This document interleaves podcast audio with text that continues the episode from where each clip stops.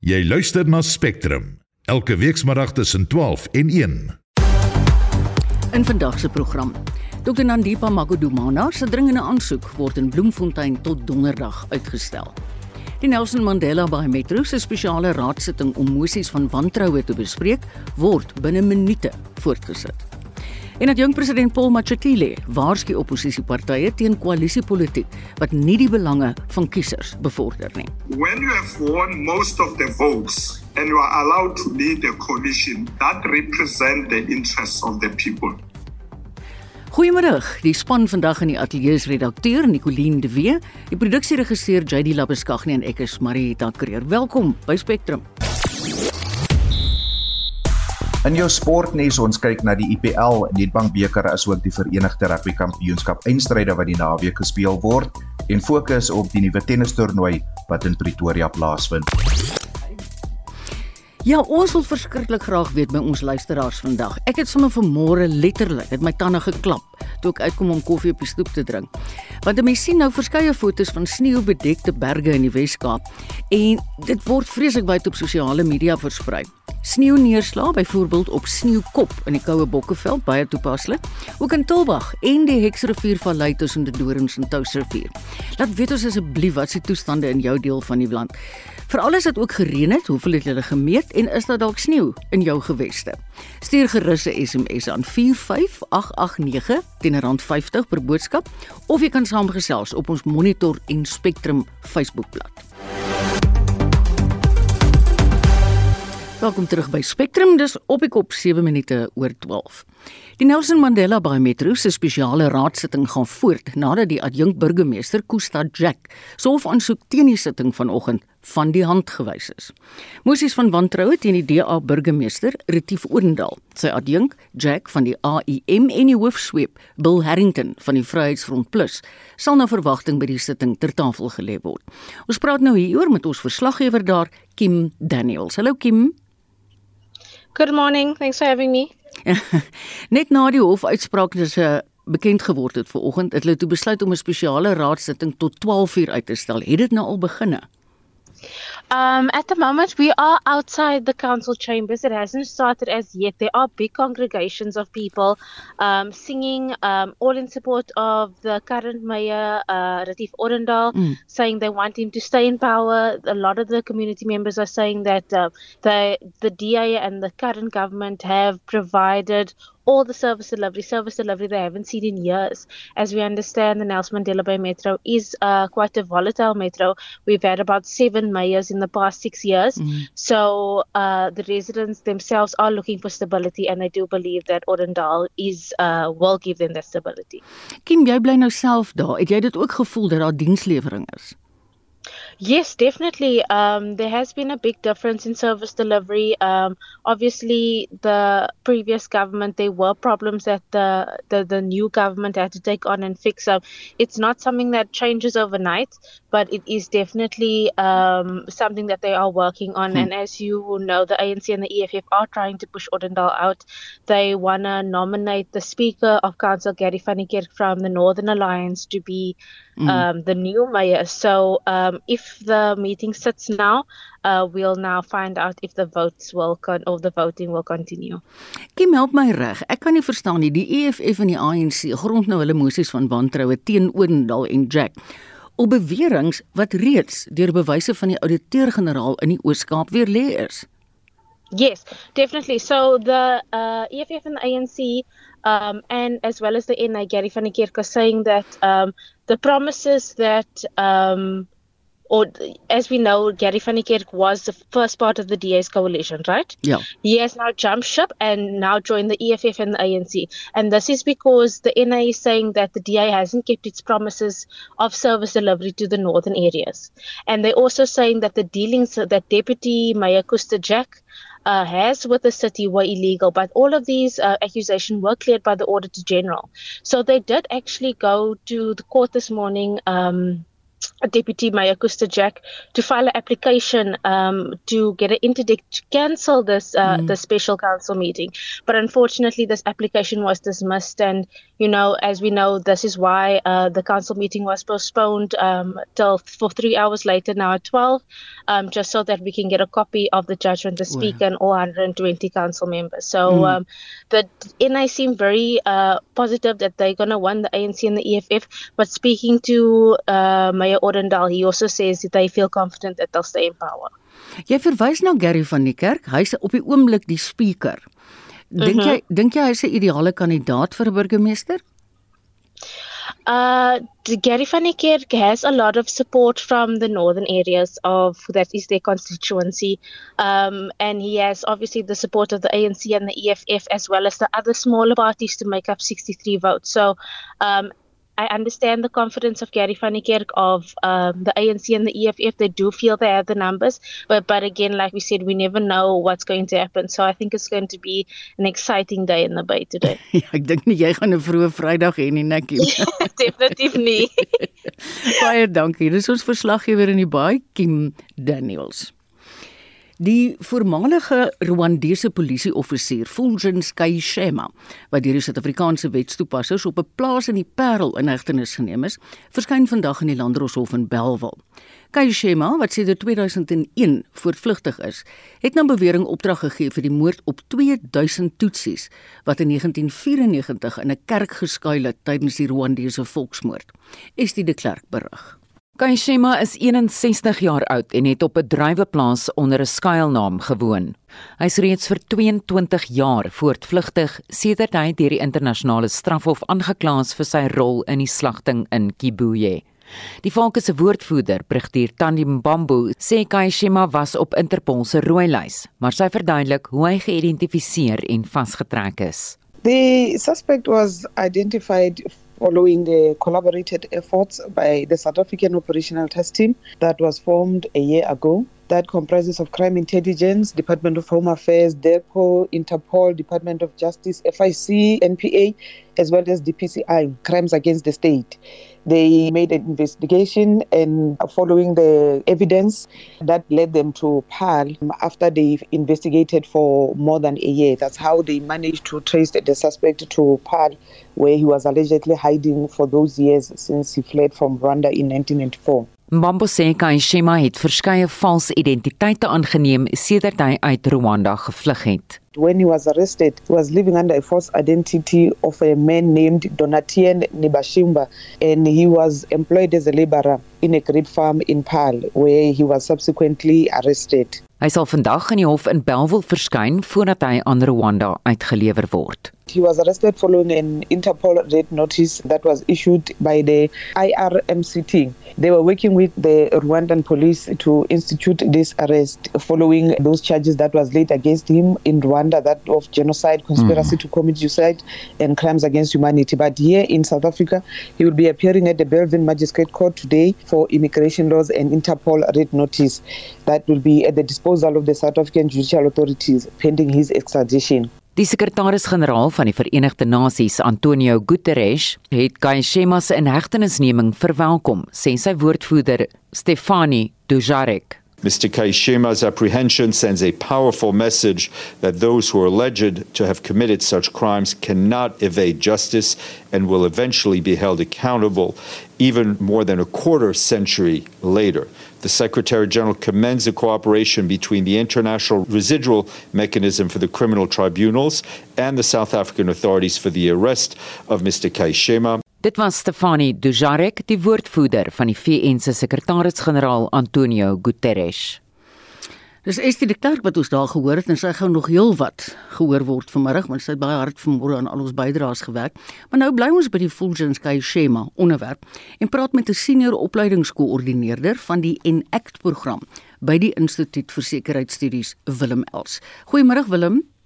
Goeiemôre Marieta. Is dit jou opinie dat Suid-Afrika as 'n veilige hawe beskou word deur voortvlugtendes en kriminele?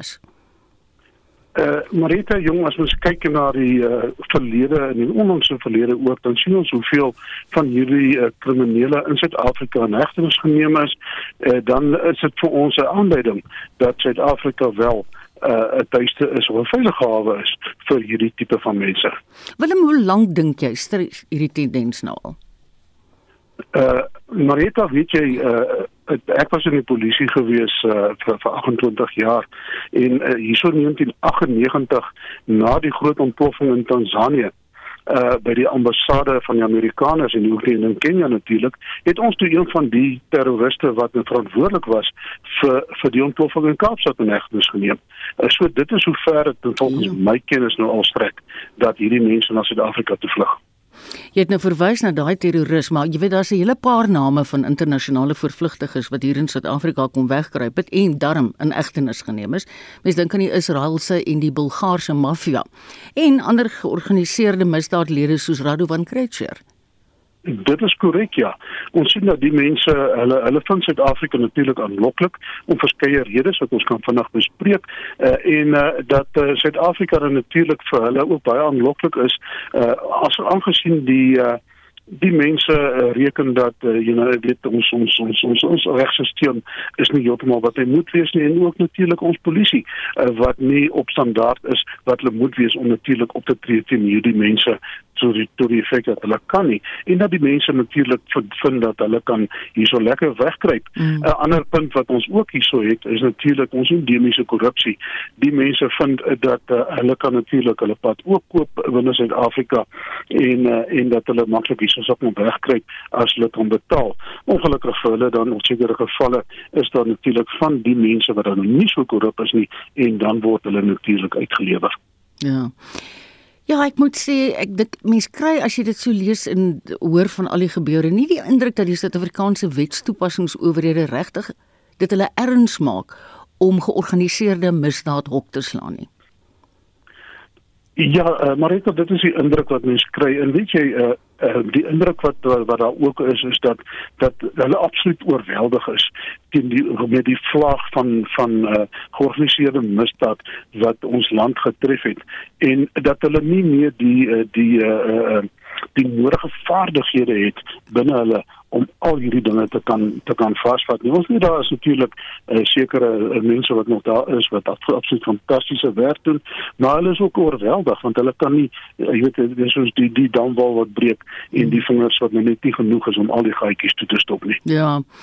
Willem, die uitleweringsprosesse van Suid-Afrika af na ander lande toe, hoe moeilik is dit en dra dit by tot die gemak waarmee voortvlugtendes in hierdie land leef?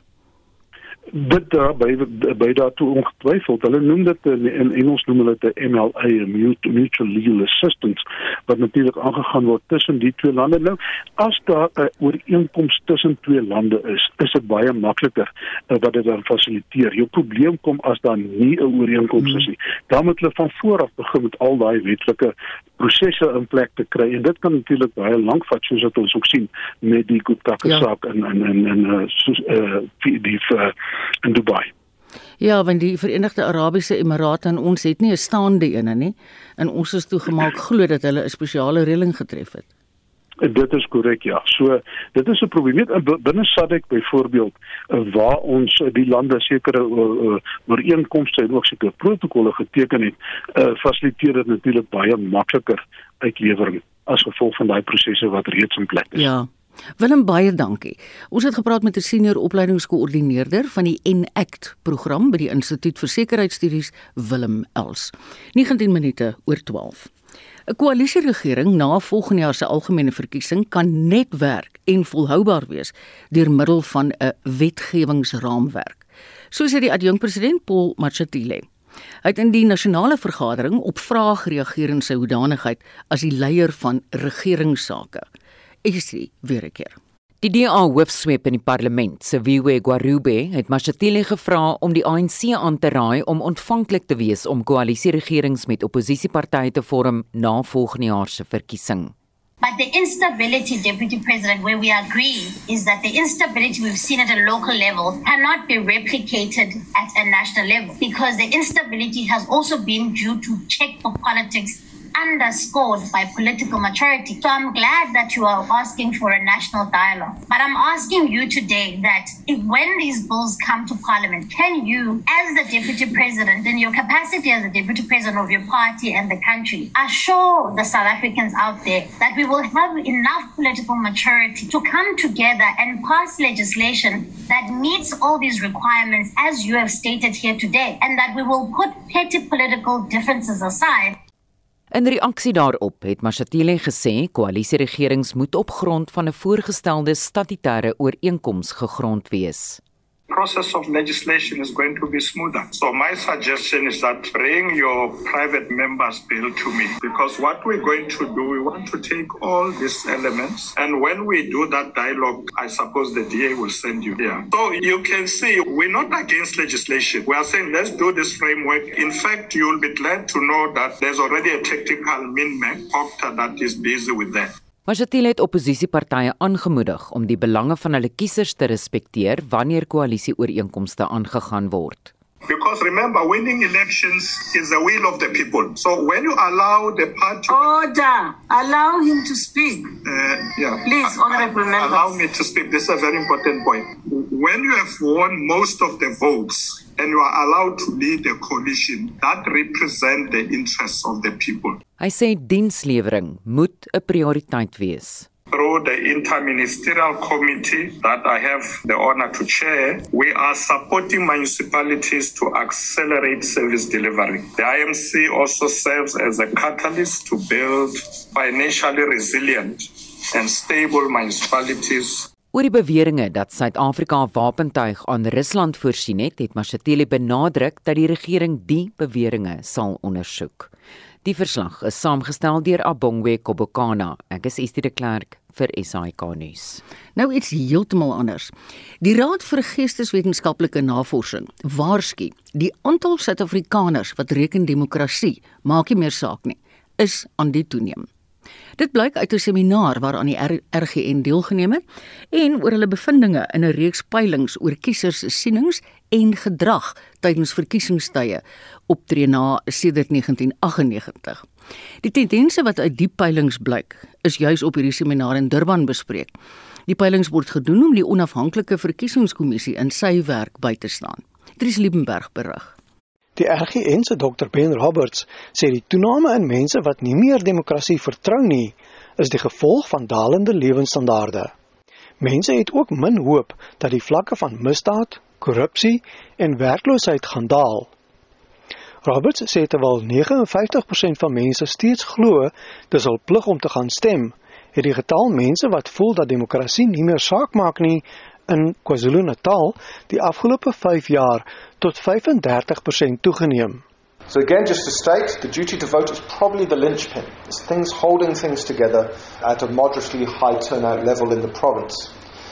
If we see that break down, we might see a real shift in citizen norms. And it will take a character, particularly amongst younger voters and or younger members of the voting age public in KZN, that they'll switch away from this. We saw the strong sense of loyalism and duty is in place in KZN, that could change very quickly to, and be replaced by a new form of political norm that doesn't necessarily involve the ballot box.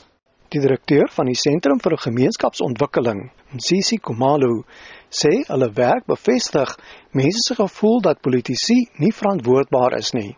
We always say people they always chant that slogan that amandla and they, they say away to and then they don't receive that in their heart, that their, the power is always relying on them, upon which, on all the things to change and all the aspects so that it can change. We conduct fairly monthly the, the, the civic education dialogues of which we try to make the people understand on what they, on that power that they have.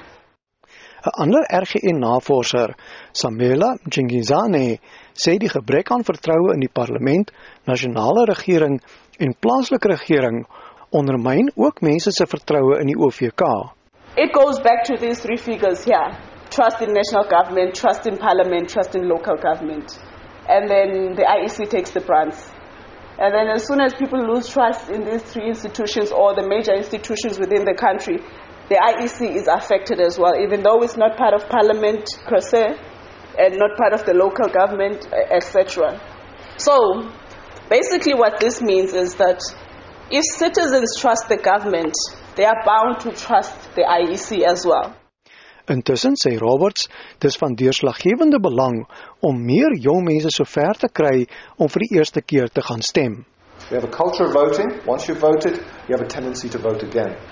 If you don't have that first electoral experience, you don't have that memory, that institutionalized memory to draw on, that thing that will inspire you to come out again. And that's why it matters fundamentally. So, what's the recommendation?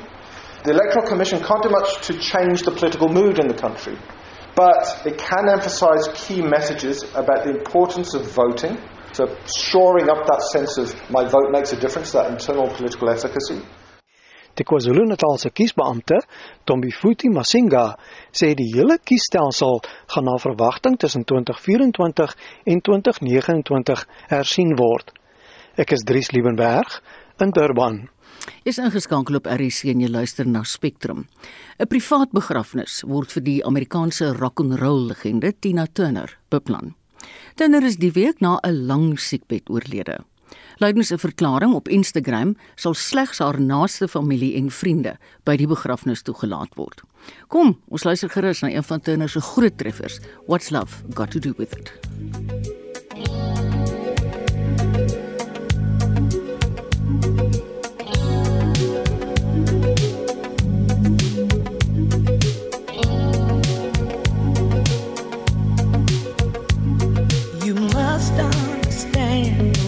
Touch of your hand makes my pulse react.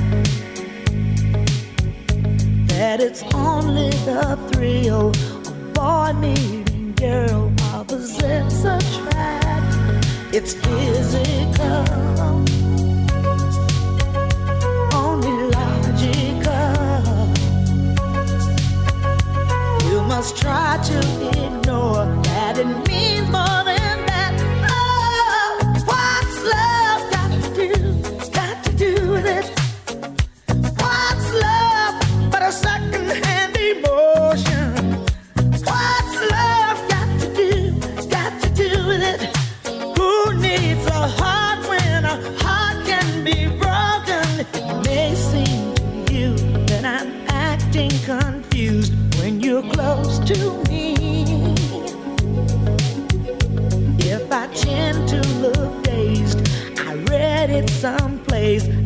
got cause to be. There's a name for it. There's a phrase that fits. But whatever the reason, you do it for me. Oh, what's love got to do? It's got to do with it.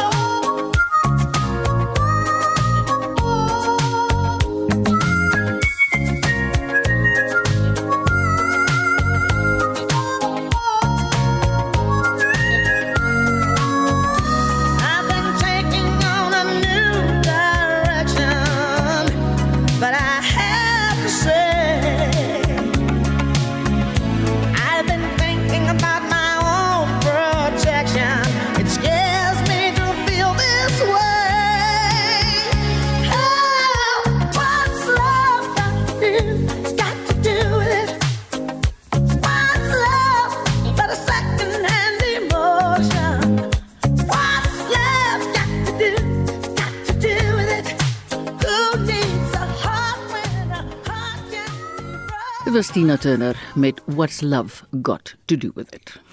Spectrum, jou middagnuusprogram op RSG. Net hierna maak ons 'n draai in die buiteland en ons vind ook uit hoe om beurtkrag hier in Suid-Afrika te vnuik. Bly gerus ingeskakel. Ons het vroeër aan die begin van die program gevra vertel ons bietjie hoe lyk die weer na in jou geweste. Ons het baie lekker terugvoer gekry. Mervin sê ons het gister 85 mm reën hier in Rosebank in Kaapstad gehad. Jean Smith sê welkom in die Vrystaat. Was bitterkoud vanoggend en is nou nog steeds koel cool, buitekant. Lucas Mahamba sê hy glo die winter het nou uiteindelik sy verskyning gemaak. En Pieter Kutse het letterlik net een reaksie op al die mooi foto's van die sneeu wat ons op die Monitor Spectrum Facebook bladsy geplaas het en dis wow. Gaan kyk gerus na die foto's, jy sal verstom staan en laat weet ons nog steeds hoe die weerstoestande daar by jou lyk. Goeiemiddag, ek begin met rugby nuus en alle oë môre op die Kaapstad Stadion wanneer die Stormers vir 'n tweede agtereenvolgende jaar in die Verenigde Rugby Kampioenskap eindstryd gaan speel. Die keer is Munster van Ierland hul opponente. Ook 'n emosionele wedstryd vir die Stormers kaptein Steven Kitshoff. Dit sal die laaste keer wees wat hy die span van die Kaap aanvoer. Ook 'n verskeie spelers wat 'n uh, laaste kans het om die nasionale keerders te beïndruk by die Rugby Wêreldbeker wat nou net enkele maande weg is beide Munster en die Stormers maak later vanmiddag al spanne vir die wedstryd bekend en afskoptyd is om 07:30 môre aan. Nog rugby nuus in die Karibeker speel die Haie vanmiddag om 3:00 in 'n wegwedstryd in Welkom teen die Griffins. Die Springbok Rowan Jansen van Rensburg begin op senter vir die span van Durban. Dan net na 5:00 is dit die Weselike provinsie en Lewis wat mekaar gaan pak op die Athlone Stadion. Juan de Jong gaan die span van die Kaap in die wedstryd aanvoer. Sokkernuus, die Nedbank beker eindstryd word ook môre gespeel met Orlando Pirates en Sokokombe United wat mekaar op Loftusversveld aanpak. Nou die Nedbank beker is Suid-Afrika se weergawe van die FA beker in Engeland waar spanne in die laer ligas die geleentheid kry om teen die groot kanonne van die PSL te speel en afskoptyd môre aand is om 6uur Nog sokkernuus in die Engelse Premierliga het Manchester United gisteraand hul plek in aanstaande seisoen se UEFA Kampioenligga beker bespreek toe hulle in 'n eensydige wedstryd 4-1 met Chelsea afgereken het. Cricketnuus om 4uur vanmiddag is dit die laaste uitspelwedstryd in vanjaar se IPL toernooi met die Gujarat Titans en Mumbai Indians wat gaan sake uitspook. Die wenner van die kragmeting sal Sondag in die eindstryd teen die Chennai Super Kings te staan kom. Laastens tennisnuus, die Franse Ope begin eersdaags in Parys en Suid-Afrika se Lloyd Harris gaan in die eerste ronde in 'n moeilike wedstryd teen die 22ste gekeerde Alexander Zverev van Duitsland speel. Plaaslik vind die Showdown toernooi by die Midstream College in Pretoria plaas met van die land se topspelers wat in 'n nuwe unieke formaat teen mekaar gaan speel. Jody Hendricks vir RSG Sport. Welkom terug by Spectrum plus 25 minute voor 1 en nou vir 'n blik op internasionale nuusgebeure. Die Europese polisie agentskap Europol het meer as 30 lede van 'n georganiseerde misdaadgroep van die Westelike Balkanstate vasgetrek. Ek het vroeër gesê dis vandag letterlik 'n Estie de Klerk uitsending. So hier is Estie om vir ons meer besonderhede te gee. Hallo Estie. Hallo Marita, die misdaadgroep is na bewering betrokke by grootskaalse dwelm en wapenhandel in Europa en hier is die BBC se Guy Deloney. Europol describes the gang as a highly violent criminal cell. Its suspected leader is from Bosnia and Herzegovina. He's currently in jail in Italy, but Europol believe he was coordinating the gang's activities from prison. Police arrested a total of 37 people across seven countries, including the Netherlands and Germany, as well as Bosnia and Slovenia. They seized machine guns and explosives and drugs including heroin and cocaine. En dit was die BBC se Guy Deloney. Ons vertoef nog 'n wyle in Europa waar die Franse polisie 5 soldate aangekla het in verband met die dood van migrante, né, dit? Is reg, Marita, 27 migrante waarvan die meeste Koerdiese Irakese burgers was het in November 2021 probeer om die Engelse See oor te steek, maar hulle boot het gesink. En volgens Franse media is sowat 15 oproepe wat migrante van die boot af gemaak het geïgnoreer en reddingswerkers het eers 10 ure later gereageer. Net twee migrante het oorleef. Die Franse polisie het 9 mense ondervra en 5 soldate is aangekla en hulle word daarvan beskuldig dat hulle versuim het om die migrante in nood te help. Nou verskuif ons die fokus na Japan waar 4 mense dood is in 'n skietvoorval in Japan. Ja, en Marita, soos wat ons weet, skietvoorvalle in Japan is ongewoon en die besit van wapens word streng gereguleer. Maar die skietvoorval het uitgebreek tussen die polisie en 'n verdagte wat 'n vrou in 'n huis aangehou het. Die BBC se Shaima Khalil berig. The alleged assailant is reported to have stabbed a woman before firing a hunting rifle to kill two policemen in the city of Nakano in central Japan.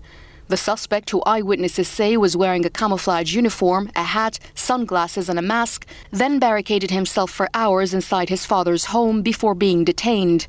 According to local media, he's believed to be the son of the City Assembly's Speaker Masamichi Aoki. A fourth death was later confirmed, but it was not clear how the person described as an elderly woman had died. The suspect's motive is still unclear. En dit was die Shaima Khalil. Die leier van 'n verregse groep is tot 18 jaar tronkstraf gevonnis vir sy rol in die bestorming van die Amerikaanse Kongresgebou in Januarie 2021. En sy naam is Stewart Rhodes en hy is die stigter van die groep die Oath Keepers en is onder meer skuldig bevind op aanklagte van sameswering om geweld aan te hits. Nou dis die langste vonnis nog in verband met die aanval op die Kongresgebou deur duisende ondersteuners van Donald Trump wat wou verhoed dat die uitslae van die presidentsiële verkiesing in 2020 bekragtig word. Die leier van die Oath Keepers se Florida tak, Kelly Mex, is tot 12 jaar tronkstraf gevonnis. Rhodes het nie self by die Kongresgebou ingegaan nie, maar hy het gekoördineer met Mex en ander lede wat die gebou bestorm het. Die BBC se Jessica Parker het meer besonderhede.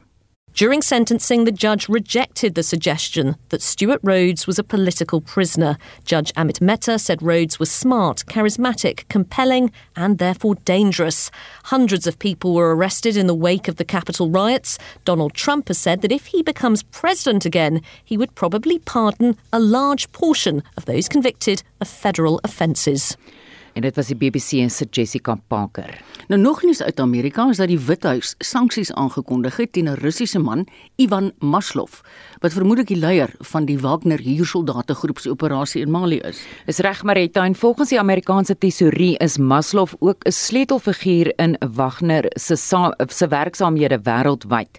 Nou die groep help Mali se militêre regering al jare lank om teen verskeie militante groepe te veg. Amerika sê die Wagner groep het moontlik sy teenwoordigheid in Mali gebruik om wapentuig vir Rusland in die oorlog teen Oekraïne te bekom en dat die misdaadorganisasie ook missiele verskaf aan die paramilitêre groep die RSF in Sudan. En dit was Estie met 'n oorsig van vandag se internasionale nuus en dit ons gebring by 20 voor 1. Die internet en sosiale media het die afgelope 40 jaar so 'n integrale deel van mense se lewens geword dat dit as 'n basiese mensereg beskou moet word. Dis die mening van die digitale deskundige Tonja Kurey van die media moniteringsgroep Acumen Media. Kurey sê hoewel die internet en sosiale media baie positiewe bydraes gelewer het, stel dit kinders bloot aan boeliegedrag op 'n baie groot skaal deur mense wat soms gesigloos is. Weer Dries Liebenberg. 'n Peiling wat die Verenigde Nasies se Kinderfonds verlede jaar gedoen het, toon dat 70% van die minderjarige respondente die internet sonder hulle ouers se toestemming gebruik. Kurey sê naas die positiewe veranderings wat die internet teweeggebring het, het boeliegedrag van agter 'n sleutelbord deur gesiglose mense 'n groter impak op kinders as wanneer dit op die skool se speelgrond plaasvind. When you said went viral, that means that you've got a mob of bullies after you. Not just the friends in the class that are that you're embarrassed about, you know. It's like it's a mob of bullies that extends all over the world if you if you happen to have that really bad situation. Imagine now what that does to a kid. So, you know, I can understand the suicide rates. And like, I think here we have to have very open communication between children and parents. Ouers sê dit is moeilik om kinders se veiligheid in die kuberruim te verseker. I have grandchildren and they are still relatively young, under 10, but have seen already the dangers of it. If they get hold of a tablet where the parents have discovered suddenly, you know, we've got to manage that they can't connect when they're around these devices if it's not managed. You know, you saw mums trying to sort it out. You know, once it was on the platform, it stayed there. It was such a difficult thing for them to, you know, to deal with because it was there and everybody had seen it. I have my ups and downs with my kids, uh, especially my daughter that's 13, because everybody's on social media, everybody's on TikTok, except for her. My bottom line is, I love you too much to do this to you. Dis wat jong mense sê. The newer generation, we can see it already. They're developing in a different way, and we kind of having to adjust to it. But it's a big thing at the moment with the whole cyberbullying and people finding themselves in predicaments, certain situations where you know it's very uncomfortable because you can't really run away from social media at the moment. It's the internet for various reasons. Like I buy things online, it's made my life much more easier. I also use it for Facebook to keep contact with my family and friends. Kurai sê op die keper beskou is die internet 'n kosbare geskenk aan die mensdom. And you may very well be putting your child at a disadvantage by not letting them explore that space because who knows when they are adults what the space is going to look like and they haven't it's almost like mathematics. If you miss one class on fractions you won't know how to do the whole of mathematics. So if you miss how tiktok is algorithms work in who knows what the impact is going to be in 5 years time? Kurai raai ouers aan om die tyd wat kinders op die internet deurbring van jongs af te beperk en om verstellings te gebruik wat inhoud filter en 'n ouderdomsperk stel. Sy sê ouers moet ook verhouding met hulle tieners hê wat dit vir kinders makliker maak om dinge met hulle te bespreek. Sy sê die wet op kubermisdade van 2020 kan as afskrikmiddel teen kuberbullies dien. Ek is Dries Liebenberg in Durban. Ons het gisteraand op Brandpunt 'n wonderlike insetsel gehad en is nou amptelik gevra of ons dit asseblief weer kan uitsaai. Ek moet sê ek het dit so geniet. Ek hoop julle as julle dit nog nie gehoor het nie, gaan hierdie ene geniet. Dit gaan hier oor innoverende maniere om beerdkrag te oorleef. Dis die boodskap van 'n 46-jarige ma wat 'n TikTok sensasie geword het na haar kort video was wys hoe sy te werk gaan om beerdkrag te vnuik. Die land wissel tans tussen fase 4 en 6 beerdkrag. Reginald Witboy het die storie. Suid-Afrikaners worstel al die afgelope 15 jaar met beerdkrag en verlengde kragonderbrekings het nou die norm geword. Die waarskuwings en verskillende fases maak sake nie makliker nie. Maar die ma van 3 probeer om Eskom se donker dae te oorkom. Roxanne Stevens sê die frustrerende impak van beerdkrag ervaar toe sy werk toe moes jag. Met haar deurmekaar hare het sy haar warmtang en omskakelaar gegryp en aan haar motor se battery gekoppel. In 'n japtrap was elke haar op sy plek. Ek het die oggend opgestaan, dit was load shedding. Ek het gestres en ek moet netjies lyk vir my werk. Ek het 'n battery vir die inverter, maar toe wil hy nie werk nie. Toe dog ek as dit 'n battery is, dan moet enige ander battery ook dalk kan werk op hom en ek plak dit by die kar in en toe sien ek oh, my tang gaan aan en dis hoe ek met my hare getang het. Haar video het baie reaksie op sosiale media ontlok. Baie het gesê hulle sal haar innoverende manier volg. Maar ook sien waarskynlik dat mense versigtig moet wees wanneer hulle van alternatiewe maniere probeer gebruik maak. Ons sal maar moet maniere begin uitdink om vir onsself die lewe te vergemaklik want met die load shedding is iets waarmee ons moet saamleef en as jy plan A kan uitwerk en dit werk, hoekom nie so? Ek dink ons moet maar almal inisiatief inneem en begin idees kyk wat mm. werk en as dit werk dan is dit dit vir jou. Dis nie net met haar hare dat sy met haar omskakelaar battery 'n oplossing vind nie. Sy sê mense moet ook in alternatiewe kragbronne belê. Ons sal maar net moet kyk wat werk, wat werk nie, so ons moet dinge verander na gas toe oorskakel, na um rechargeable ligte toe oorskakel en of maar braai hout maak en maar vuurtjie maak en maar braai vleisie iets op die kool. Met geen einde in sig met beerdkrag nie, is maniere soos hierdie geleidelik besig om gewild te word. En net soos Roxanne sal baie vroue tevrede wees om te weet beerdkrag hoef hulle nie te styd om hulle hare netjies te kry nie. Regional Witboy, SAK-nuus, Kimberley. Dani Wolmerans is 'n senior portefeuljebestuurder by Sanlam Private Welvaart in Pretoria. Hy het vir ons die jongste sake nuus. Goeiemôre Dani. Goeiemôre Marietta. Ja, die na die rand se swak vertoning gister het dit stelselmatig begin herstel vanoggend. Ons plaaslike mark het nou ook positief geopen, maar negatief gedraai en verhandel die JSE tans so 0.52% laer of 393 punte laer op 75780 punte. Die finansiële indeks verhandel diep in die rooi, so 2.3% laer op 14370 punte En die industriële indeks daal ook so bietjie 0.37% na 104932 punte. Die Hulbron indeks styg daarom so bietjie 0.57% hoër, 39059 punte. So ons kyk na die wenners vandag, is BHP Group so 2.7% hoër, Anglo American 1.96% hoër. Aan die verloorkant daal beide Naspers en Prosus met 1%, maar Standard Bank verloor 2.5%. In Europa is die FTSE 100 onveranderd op 7576 punte. Die Duitse DAX is so 0.26% laer op 15752 punte. Teen die vernaamste geldeenhede verhandel die rand tans teen R19.57 teen die Amerikaanse dollar na 'n laagtepunt wat so rondom 1980 was vroeër vanoggend. Die euro R21.03 teenoor die euro en dan R24.22 teen die Britse pond. By die kommoditeitsfront verhandel die goud teen 1952 dollar per fyn ons, platinum teen 1042 dollar per fyn ons en Brent olie 76 dollar en 75 sent per vat. daarmee terug na jou Marita. Baie baie dankie. Dit was Dani Wolmerans van Sanlam Private Welvaart.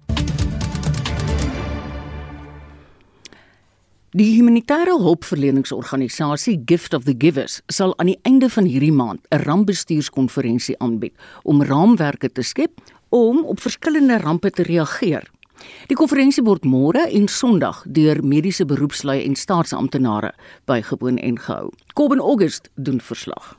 Die stigter van Gift of the Givers, Imtiaz Suliman, sê tydens die konferensie sal hulle demonstreer hoe ervarings van werklike rampe regoor die wêreld gebruik kan word om toekomstige voorvalle te bestuur. Hy sê die rampbestuurskonferensie sal in Kaapstad aan die einde van hierdie maand gehou word. Now, these are all the kind of things we'll discuss in the conference to show how you get to the point to get the job done. The logistics involved in the country, the diplomacy, the currency, the communication networks, every aspect required to deal with the disaster. Even two days is not enough. And it was a good practice for us. When we started putting things together, we realized, is this what we do? You know, we didn't understand the amount of stuff we did ourselves. What goes into a disaster, the risk to, the, to, to your team members, the mental preparation, the temperament of the staff. Die direkteur van globale snykunde aan die Universiteit Stellenbosch, professor Catherine Chu, sê die rampbestuurskonferensie sal die mediese vaardighede van Suid-Afrikaanse dokters tydens rampoperasies tentoonstel. Sy sê tegnieke wat deur Suid-Afrikaners gebruik word, kan 'n groot rol speel om te help met die gesondheidsreaksie tydens rampe. So there are people from all around the world who come and train at South African hospitals. So at Tigerberg, at Stellenbosch, there are people from other international humanitarian organizations from Europe who come and train here because they only know how to do laparoscopic surgery, robotic surgery. They don't even know how to open an abdomen with just the scalpel. But South African doctors are used to this. They do it every single day. So I think that South African doctors are quite suited actually to work in humanitarian disasters. Die konferensie word op die 27ste en die 28ste van hierdie maand by die Kaapstadse Internasionale Konferensiesentrum gehou. Ek is Coben August in Kaapstad. Mens kry sommer hoendervleis as iemand wat duidelik van 'n ander plek afkom, wel nou hier werk. Sê, maar ons dokters se gehalte is baie goed. Die Verenigde Rugby Kampioenskapsafrigter van die seisoen, Franco Smit, sê dit sal 'n reuse kompliment wees indien hy weer gevra word om deel te wees van 'n nasionale afrigtingspan. Die Glasgow Warriors breier is van dese week deur sy 16 ewe knie in die reeks vereer. En Liesel Olivier het met hom 'n onderhoud gevoer.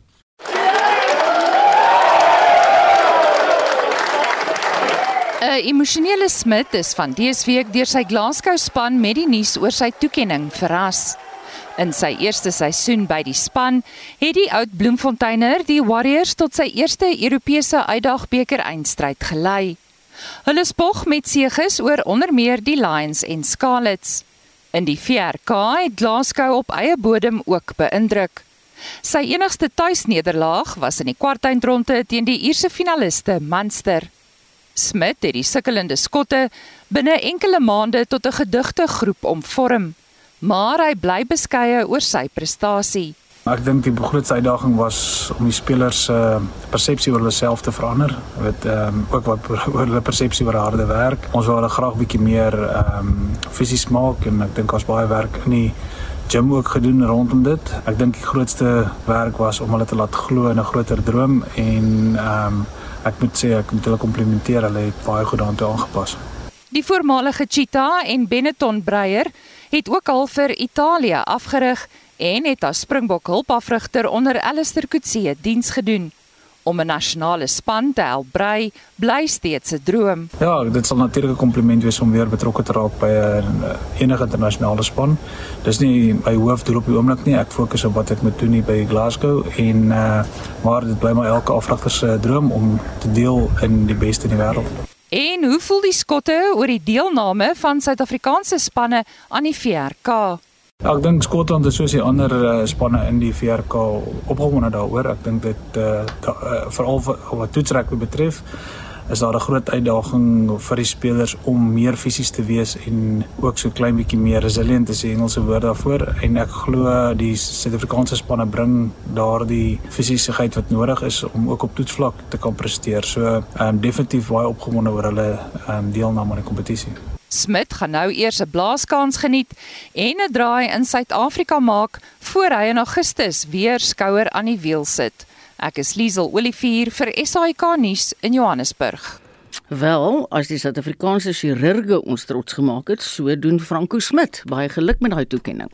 Brokkie internasionaal, Saudi-Arabië en die FSA het 'n gesamentlike verklaring wat deur die FSA se ambassade in Khartoum uitgereik is, gesê hulle is verheug dat die skietstilstand in Sudan steeds gerespekteer word. Die BBC se Richard Hamilton het meer besonderhede. In their statement, the Saudis and the Americans said the situation had improved after the 24th of May, when the ceasefire monitoring mechanism detected significant breaches of the agreement. They concluded by urging both warring parties to put the needs of the Sudanese people first, abide by the terms they agreed just a few days ago, and allow the delivery of humanitarian aid but a resident in Khartoum said that looting, kidnapping, and sexual violence was on the rise. She said it was a massive crisis which no one, including the international mediators in Jeddah, truly comprehended. Dit was die BBC Richard Hamilton. Ja, daar's nogal baie dinge wat op die oomblik aangaan. Ek moet sê die koue is regtig waar 'n baie groot onderwerp op die oomblik, ook die sneeu en baie mense laat weet vir ons van waar die reën geval het. Ons gaan duidelik deur 'n ernstige verandering. Ina Vermeulen sê dit het in Riebeek Wes 65 mm gereën. Gerda van Niekerk sê die wind waai hulle weg in Richards Bay. Ja, en ons het vroeër gesê Jean Smith sê dit was bitterlik koud en welkom in die Vrystaat vanoggend. Jean, ek moet vir jou sê hier in Johannesburg het ek amper gedood toe ek vroegoggend uit om my koffie op die stoep te drink. So ja, ek kan verstaan erns het daar definitief sneeu geval, dis duidelik. Ek hoop almal bly warm hierdie naweek. Moenie vergeet nie, daar is môre naweek aktueel tussen 12 en 1 en ons het natuurlik Sondag aand kommentaar. As jy net vinnige opsomming wil hê van wat is die groot nuus van die naweek. Ook ons potgoeie wat beskikbaar is op RSG se webblad, rsg.co.za. Moenie vergeet nie, daar's môre kwart voor 6 'n lekker brandpunt hoogtepunt. Ek het die tyd hier geniet. Baie dankie daarvoor en onthou, die 1 uur nuus lê voor saam met die 360 span in die Kaap. Totsiens.